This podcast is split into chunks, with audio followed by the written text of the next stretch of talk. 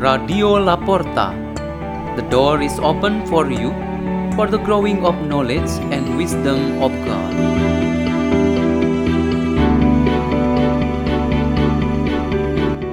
Delivered by May Ann Rodrigo and Jeane Jacklyne from St. Peter's School in Jakarta, Indonesia.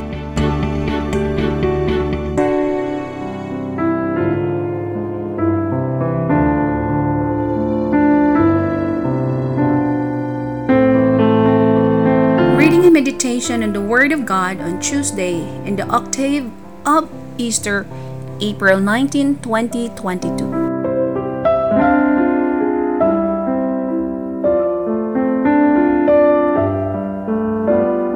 The reading is taken from the Act of the Apostles. On the day of Pentecost, Peter said to the Jewish people, Let the whole house of Israel know for certain that God has made him both Lord and Christ, this Jesus whom you crucified. Now, when they heard this, they were cut to the heart, and they asked Peter and the other apostles, What are we to do, my brothers? Peter said to them, Repent and be baptized, every one of you, in the name of Jesus Christ for the forgiveness of your sins, and you will receive the gift of the Holy Spirit, for the promises is made to you and to your children, and to those all far off, whomever the Lord our God will call.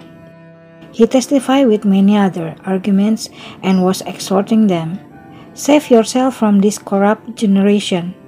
Those who accept this message were baptized, and about 3,000 persons were added that day. The word of the Lord.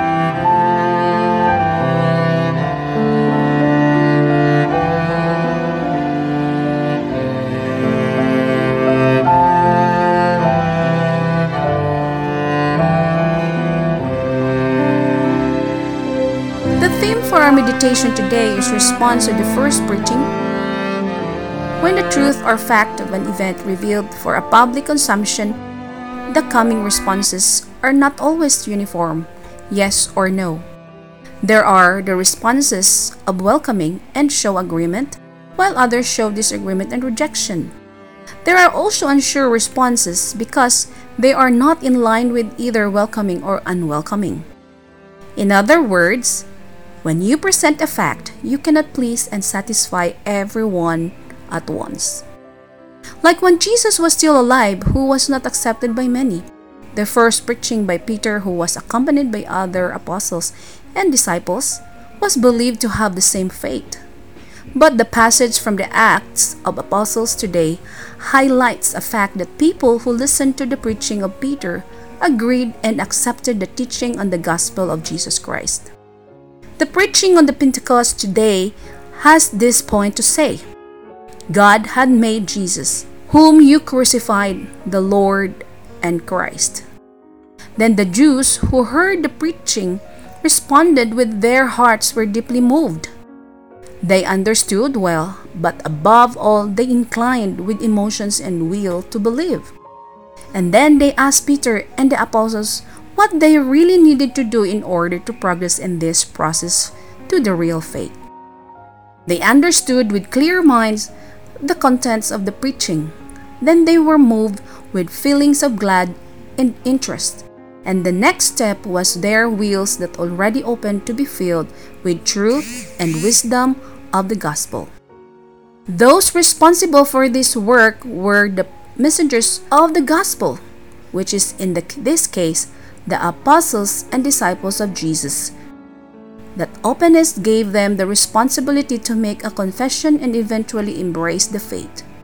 But before arriving at this point, the process of growth in faith required an act of repentance, then followed by baptism in the name of Jesus Christ as way of the remission of sins, and the outpouring of the gifts of the Holy Spirit.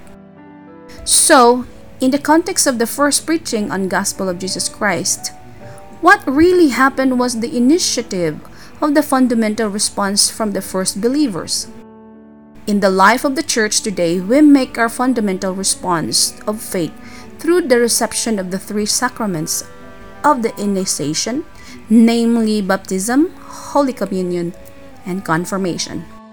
All three are the initial and fundamental stages of Christians and church life.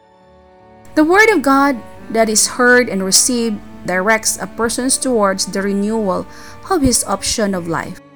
Then he is prepared to receive baptism, which brings him to meet and to see the Lord personally. He is even called by his name, similar to the risen Jesus who called the name Mary in the apparition story of the resurrection. This is like the experience of receiving God personally in the Holy Communion. Furthermore, the strengthening of the faith is then made in the following step through the outpouring of the Holy Spirit in the sacrament of confirmation. Let us pray. In the name of the Father, and of the Son, and of the Holy Spirit. Amen. O Lord Jesus, we do not fail to recognize you properly and through the proclamation of your word every day.